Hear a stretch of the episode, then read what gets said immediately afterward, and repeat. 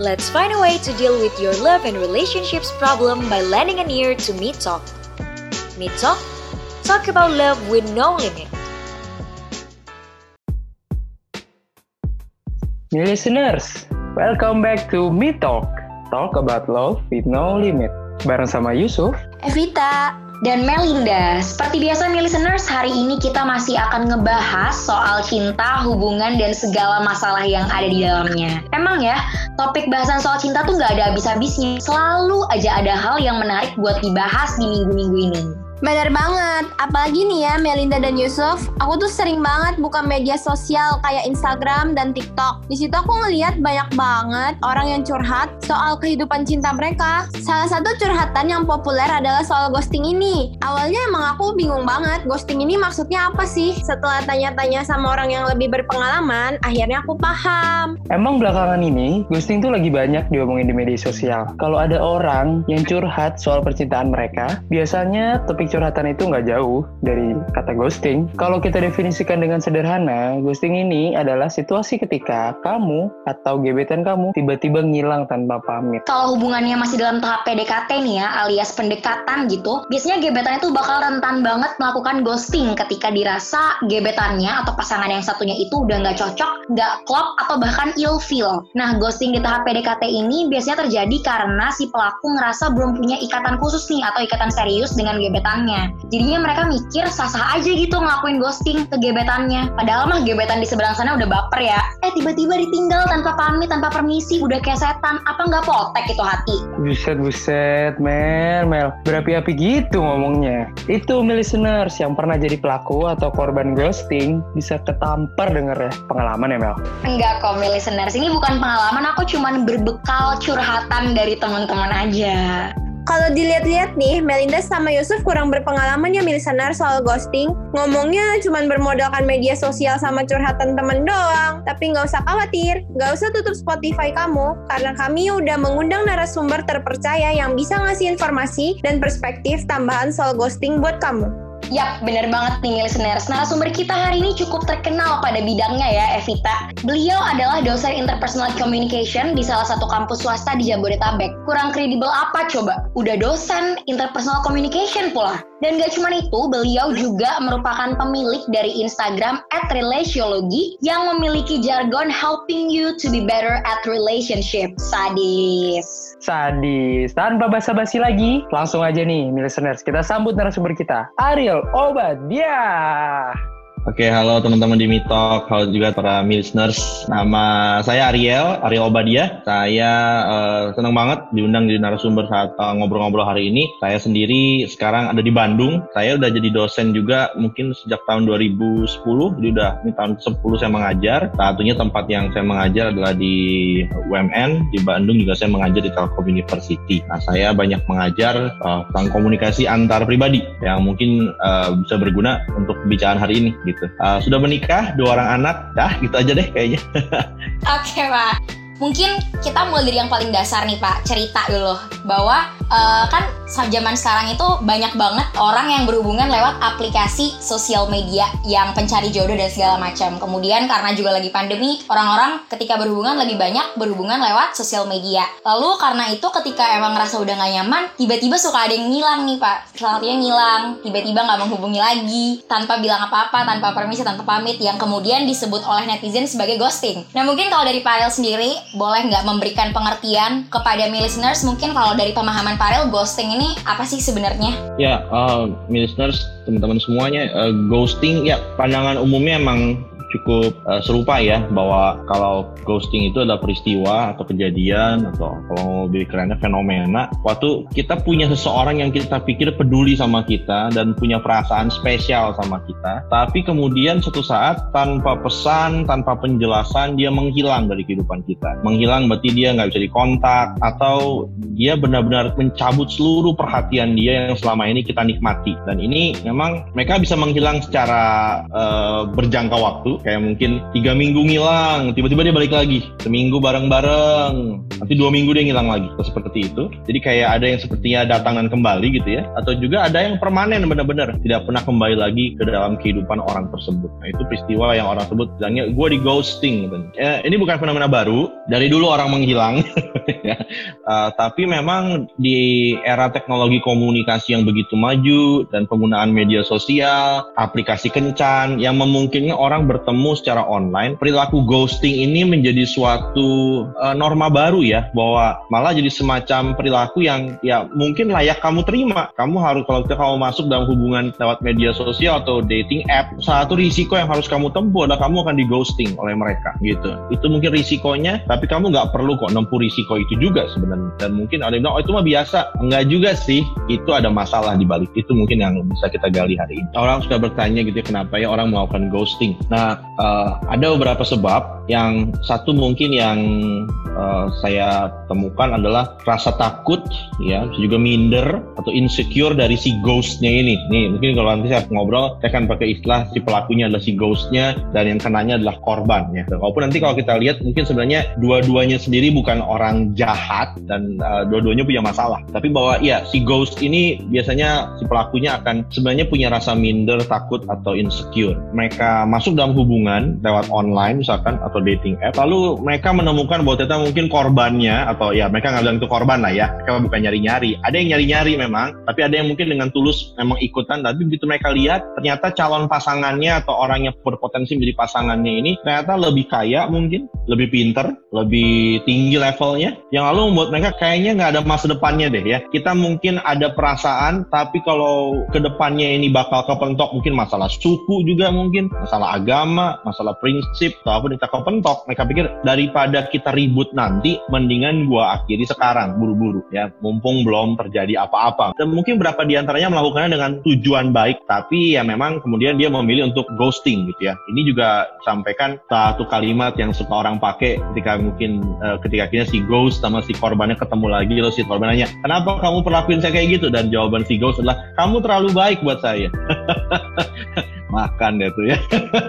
Itu kalimat paling buaya satunya ya yang pernah kita dengar. Dan in a sense iya iya gue terlalu mahal buat diri lu. Lu nggak sanggup bayar makanya lu pergi nggak pakai bayar gitu kan gitu. Ada memang yang seperti itu. Saya kayaknya saya nggak sanggup bayar betul. Nah ini makanya sebut ada masalah. Mereka lalu merasa itu ya itu itu salah salah si calon pasangannya. Gua gua gua nggak bisa bayar gitu. Padahal mungkin itu jadi sarana untuk memacu diri oh kalau pasangan saya anggaplah ya pasangan saya calon pasangan saya di dating app ini atau di medsos ini sepertinya anaknya pinter banget lulusan universitas ternama gitu atau belum atau dia lagi kuliah di universitas yang bagus banget dan dia mungkin udah share bahwa masa depan dia dia pengen jadi apa kenapa? Nah kenapa kita nggak jadikan pemacu untuk oke okay, kalau gitu saya mau ngimbangin dia. Nah tapi orang-orang ini karena ketakutan insecurity mereka juga. Makanya tadi saya bilang bahwa si Ghost ini punya masalah sebenarnya ya yang bukan berarti mereka jahat kadang-kadang. Lalu mereka memutuskan untuk cabut. Kayaknya gue nggak sanggup bayar jadi begitu masuk restoran lihat menu oh kayaknya nggak bisa bayar langsung pintu keluar. Mereka pergi begitu aja nggak pakai jelasin nggak pakai apa langsung pergi. Ada juga mungkin karena trauma hubungan masa lalu. Si pelakunya punya trauma dari hubungan masa lalu entah kenapa datang kembali masuk ya mereka teringat uh, atau terpicu lagi ya trigger itu memorinya atau perasaan takutnya masih hubungan takut emang lalu ketika dalam hubungan ini. Misalkan nggak ada masalah sama level semuanya oke okay, tapi tengah jalan lagi jalan hubungan kok tiba-tiba calon pasangan ini terlihat terdengar seperti mantannya yang dulu yang dia gagal sebelumnya. Lalu dia kayak ngerasa aduh dulu gua gagal ketemu orang kayak gini lagi pasti gagal lagi. Ngapain lama-lama ghosting cabut? Walaupun kalau ditanya emang dia kayak gitu ya tapi gua ngeliat gejalanya. Wah itu karena juga karena mungkin mereka ya insecure tadi. Nah, tapi ini kaitan sama masa lalu gitu. Ditambah juga atau mungkin mereka merasa bahwa ya mereka takut bikin kesalahan yang sama atau mungkin juga mereka lalu teringat mantan yang lalu lalu mereka merasa kayaknya mungkin mungkin masih ada peluang ke yang dulu kali ya mungkin dia masih mau kali ya dan itu membawa akhirnya ghosting. Yang terakhir mungkin yang saya saya, saya sempat pikirkan adalah mungkin juga nah ini yang paling gak enak sebenarnya eh, menurut saya sih ya menurut saya paling gak enak. Ya kenyataan pahitnya kenapa orang ghosting? Karena ada yang lebih baiknya daripada kamu. Sorry. Ya ini ini free market ya ya itu media sosial tuh itu free market, bener-bener pasar bebas. Kalau kamu nggak punya produk yang bagus, kamu nggak akan laku. That's the way it is, gitu aja. Kadang-kadang para ghost ini, apalagi ghost yang profesional, ya ghost yang terlatih, itu punya daftar, ya mereka punya daftar orang-orang yang yang udah mereka susun secara skala prioritas bahkan. Oke, okay, sasaran nomor satu itu ini, sasaran nomor dua tuh ini, nomor tiga ini, empat ini, lima ini, dan mereka melakukan pendekatan bersamaan kelima arah sekaligus. Jadi mereka punya rencana cadangan dari A sampai Z malah mungkin. Nah, ketika misalkan lalu mereka menjalin hubungan itu mereka lakukan bareng-bareng dengan modus yang sama gitu ya. Dan kemudian suatu hari dari lima akhirnya dua merespon. Anggaplah dua merespon dengan sangat baik dan ketika dua orang merespon, in the end siapa yang paling menarik bagi dia akan dia pilih gitu. Lalu kemudian yang satu akan mengalami namanya di ghosting. Tapi kan Pak tadi kan kita bahas soal dalam ranah media sosial, penjejaring sosial. Tapi kan hmm. nyatanya yep. banyak juga orang yang mungkin ketemu dalam kehidupan nyata gitu dalam real life ketika hmm. udah menjalin hubungan berapa lama melakukan ghosting. Kemudian yang sering kali diidentikan dengan ghosting ini kan pria ya Pak kalau saya tidak salah tangkap yang beredar di masyarakat. Padahal sebenarnya banyak juga nih wanita yang melakukan ghosting gitu. Nah, hmm. tapi kalau yang saya dengar dari cerita teman-teman saya nih beberapa kali ketika mereka memutuskan melakukan ghosting, kebetulan teman saya adalah perempuan, ketika memutuskan melakukan ghosting alasannya adalah ya si cowok itu alay, cowok itu boketek, si cowok itu apalah mungkin dengan kekurangan-kekurangan fisik dan sikapnya yang lain yang kalau misalnya mereka pikir mereka menyampaikannya kepada si laki-laki maka itu jadi kayak kurang etis atau justru merendahkan atau justru mengejek dan akhirnya mereka memutuskan untuk mengakhiri hubungan dengan cara ghosting. Nah kalau kasusnya hmm. seperti itu kira-kira gimana Pak? Apakah langkah si perempuan ini benar atau emang ya harusnya ada cara lain yang lebih baik untuk dia mengakhiri hubungan? Saya kalau ketemu kasus seperti ini saya pengen tahu sih detailnya gitu ya. Uh, gimana awalnya? Gimana awalnya? Sampai titik mana kau menemukan kelemahan ini? Misalkan untuk menemukan, nih kalau ambil contoh ya, kita masalah bau badan ya. Untuk menemukan orang itu bau badan, kamu cukup butuh satu pertemuan offline, satu pertemuan offline, dan spend cukup lama sehari sama orang itu. Tapi kalau kamu menggunakan alasan itu setelah kita satu bulan penuh menjalin hubungan dan sering ketemu offline, saya bilang kamu cuma cari-cari alasan, ya gitu. Kamu cuma cari alasan gitu, ya bahwa itu alasan yang alasan yang kita udah udah kita tahu, alarm kita udah nyala. Aduh, dia nggak sewangi orang lain ya, tapi kita kan jalan terus. Nah kita jalan terus itu keputusan siapa? Keputusan kita, bukan salah orang itu. ya kita kita tahu kita terjun ke dalamnya. Nah ini lalu kemudian ketika kita udah uh, lost interest, akhirnya alasan paling sulit. Nah ini alasan yang lalu paling sulit untuk kadang-kadang di di argumen balik kayak misalkan, bis lu pendek sih, gimana caranya gue perbaikin itu? Gitu.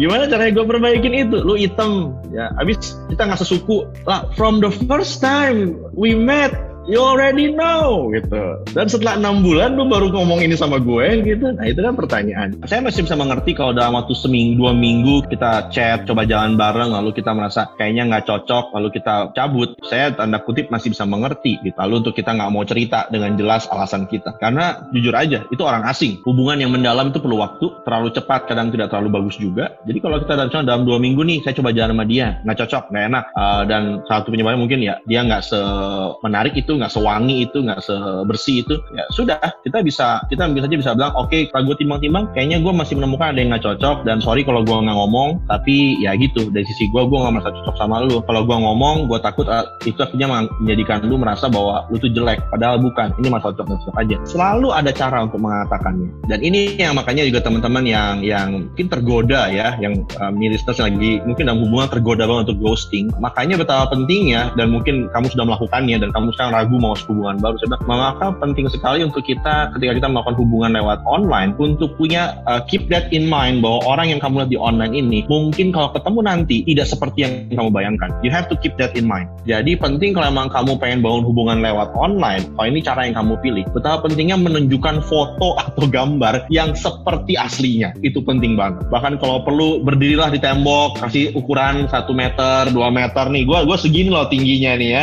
Ini berat gue segini jangan sampai nanti gue datang lu gue ketemu lu lu punya ekspektasi yang aneh-aneh sama gue lu pikir dari foto kayaknya gue jangkung kayak gue ramping. Jadi ya kita harus jelas di situ. Tadi kalau misalkan teman-teman bilang oke okay, karena saya saya kecewa saat ketemu ya kata nggak seperti itu. Ya maybe you're going too fast di sebelumnya dan kamu ketemu speed bump kamu ketemu prek ya kan kamu mau ngapain? Ya jadi kita perlu lihat jujur apa sih yang kita cari. Bahkan kalau perlu sebut dari awal. Gue paling nggak suka cowok yang misalkan bau badan gue suka cowok yang bersih cowok yang mandi sering ya kayak itu lu parfum lu apa nah makanya penting ketika chat online itu menanyakan pertanyaan-pertanyaan yang jelas bukan asik-asik bersayang-sayang itu sih itu sih kalau dari pendapat saya gitu ya Oke oke. Eh, berarti kita di sini lihat dari dua sisi kayak Pak. Kan udah ghost. Sekarang mau saya mau tanya tentang korbannya. Eh, Kira-kira gimana sih dampak bagi si korban dari ghosting gitu? Oke, yang umumnya tanya orang rasakan kalau mereka di ghosting adalah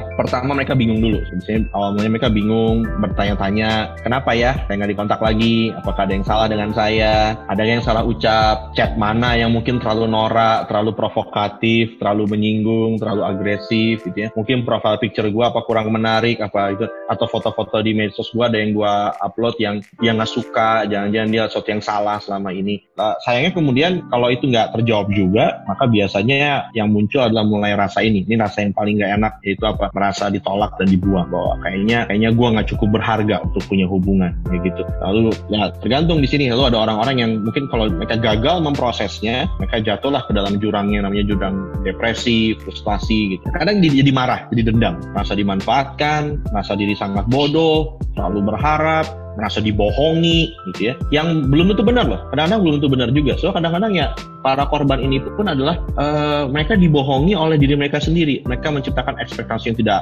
tidak realistis gitu ya. Dan akhirnya jatuhnya sakit gitu. Itu sakit. Lalu ada yang bisa jadi muncul jatuh begini bagi para korbannya. Yaitu kalau pola ghosting ini terjadi dalam kepada diri mereka cukup sering dan sering itu ya kita bisa bilang bisa dua tiga kali ketemu orang yang di online dan di ghosting lagi di ghosting lagi di ghosting lagi lagi atau akhirnya lu ditambah lagi mereka cukup sering dengar teman-teman mereka juga mengalami hal yang sama. Jadi oh teman-teman gue juga di ghosting juga sih juga di ghosting juga ghosting gitu ya. Nah ini akhirnya bisa membuat rasa ini nih uh, membentuk rasa rasa kebal bahwa oh gitu ya ghosting itu biasa ternyata. Ghosting itu biasa. Itu normanya teman-teman. Itu normanya. Dan kalau itu normanya itu cara orang perlakukan orang lain berarti mungkin saya pun perlu perlakukan orang seperti itu. Yang akhirnya muncul dalam diri mereka pertama mereka merasa ghosting itu biasa aja there's nothing wrong with it. Orang makan orang tuh biasa ya gitu. Ketika orang kalau kita terlalu banyak nonton film kekerasan, kita melihat kekerasan tuh biasa sebagai bahkan langkah yang wajar. Terlalu sering melihat ghosting, mendengar ghosting diperlakukan seperti itu, akhirnya juga rasa ghosting itu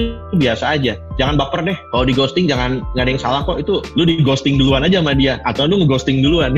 akhirnya orang semua oh oke okay. if that's how we play, I will play it. Akhirnya banyak orang yang jadi korban ghosting, akhirnya jadi ghost. Daripada gue disakitin, mendingan gue menyakiti aja. Daripada gue rasa sakit ditinggalin, mendingan gue ninggalin duluan. Dan dan uh, bagi korban satunya adalah mereka jadinya gitu ya mereka orang orang-orang yang tadinya pengen serius cari hubungan akhirnya mereka cuma kembali mengandalkan uh, ya udah mana yang asik aja gitu bukan yang cocok dengan saya, mana yang kita punya hubungan yang deep, tapi akhirnya ini yang asik aja deh gitu. Malah bisa jadi mungkin di at the back of their heads mereka mikir gini, ketika hubungan lagi asik pun, ketika lagi bagus, mereka begini, oke, okay, sampai kapan ini bakal bakal bagus ya? Tiba-tiba ada semacam uh, self fulfilling prophecy, dan mereka udah mulai meramalkan di bulan keberapa gue bakal putus, di bagian mana nih gue bakal hilang minat sama nih orang. Dan sometimes it happen. Oke, okay, tadi kan udah uh, negatif-negatifnya terus nih ya soal ghosting gitu kan, Pak. Hmm? Jadi uh, apakah juga ghosting ini cara yang baik untuk menyelesaikan hubungan ataupun tidak? Tapi kalaupun tidak, bagaimana cara yang baik untuk menyelesaikan hubungan tersebut?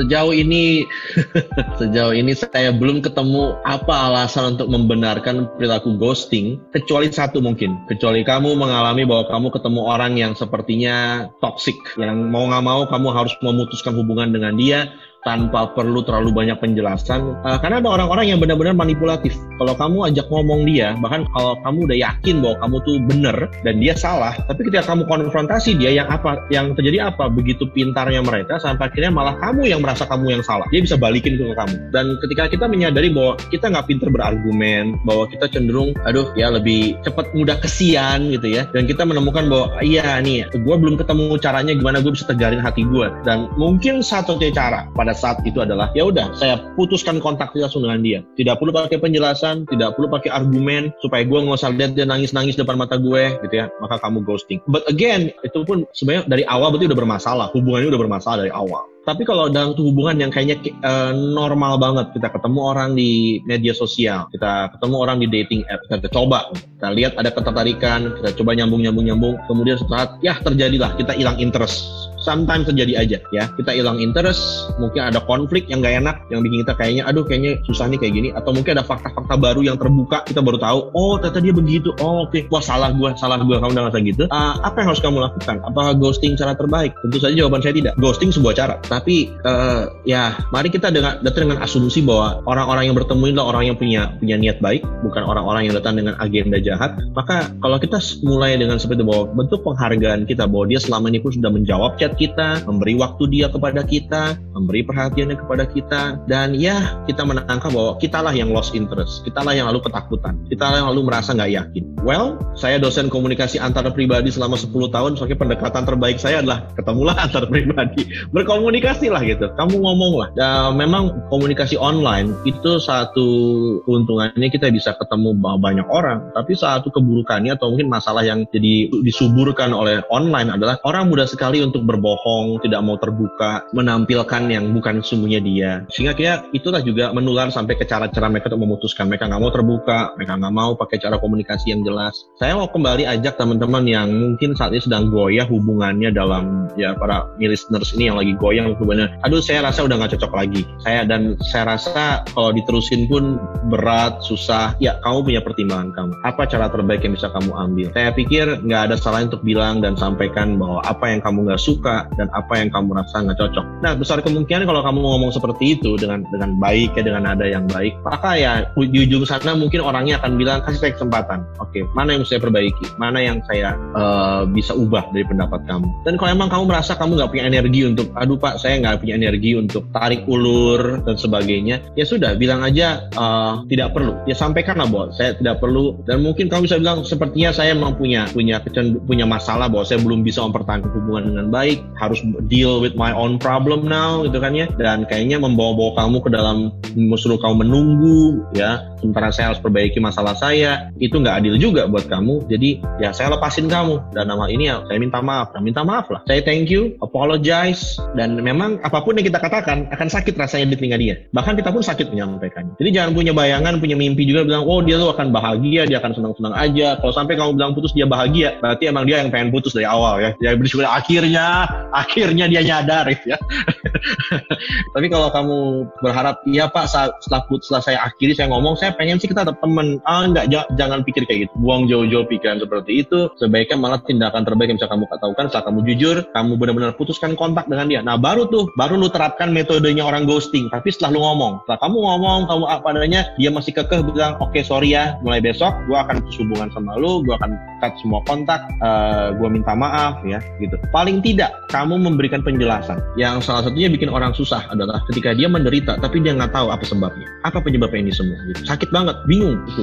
Nah, dan mungkin satunya yang bisa kita lakukan kalau penderitaan adalah bagian dari putus hubungan adalah memberikan mereka alasan. Bahkan alasan sepele pun kayak misalnya gini, uh, ya setelah gue ketemu, mohon maaf ya, gue punya ekspektasi soal fisik lu, soal penampilan lu, yang ternyata menurut gue nggak cocok. Ya mungkin memang orang guanya, gue orangnya masih menilai dari fisik dan mohon maaf, lu bukan orang yang gue cari. Minimal orang lu tahu, oke, okay, gue terlalu gendut mungkin, atau mungkin gue terlalu kurus. Ya ternyata gue nggak secantik yang lu kira. Oke okay deh, sakit nggak sakit, paling nggak memang bisa deal with that. Oke, okay. tapi toh bukan cuma lu yang bukan kan kan apa bukan cuma lu orang bagi gue dan ada orang-orang yang bilang gue cantik, ada orang yang bilang gue cakep juga. Ya kalau lu nggak ngomong seperti itu, sudah penjelasan itu menurut saya adalah penting bagi orang-orang. Jadi ada cara seperti itu dan memang jangan ragu juga kalau emang teman udah jadian nih, entah udah jadian, nggak cuma dekat-dekat aja udah jadian. Ya sudah, katakanlah putus. Gak usah takut dibilang yang mutusin tuh penjahatnya. Ada ada ada permainan gitu kan, permainan dunia pacaran bahwa yang mutusin tuh yang penjahatnya, yang itu korbannya. Ya sudah, ambil tanggung jawab. Dulu kamu masuk ke hubungan ini karena keputusan kamu pribadi. Gak ada yang maksa kamu, gak ada yang neken kamu. So ambil tanggung jawab juga. Terutama kalau tadi dibilang para cowok-cowok ya, cowok-cowok sudah dibilang tersangka utama ghosting. Walaupun statistiknya ternyata perempuan juga sama sih sebenarnya gitu ya.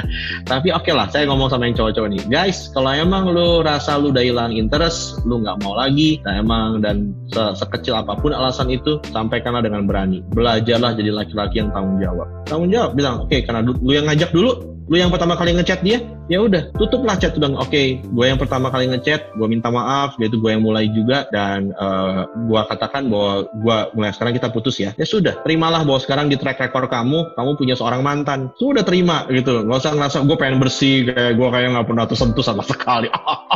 Jangan berlebihan lah ya gitu.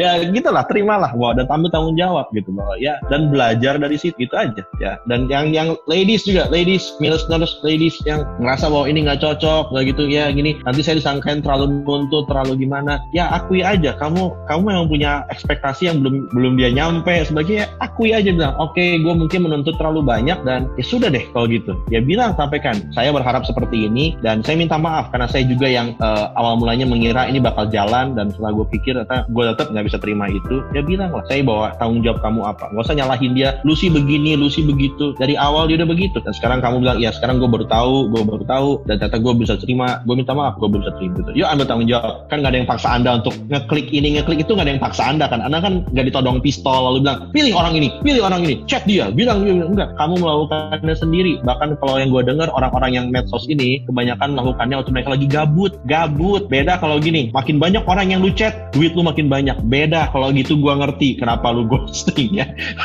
Tapi kalau kamu lagi gabut siapa yang paksa kamu? Kamu pilih sendiri orang itu. Kamu slide kiri slide itu jari kamu telunjuk kamu otak kamu mata kamu so tanggung jawab sama hidup lu tanggung jawab sama keputusan oke okay. ya sepertinya pertanyaan kita juga udah habis pak oh syukurlah uh, terima kasih banyak saran-saran tips-tipsnya yang sebenarnya beberapa kali tadi membuat saya tertampar. Tapi ya terima kasih karena ini perspektif baru.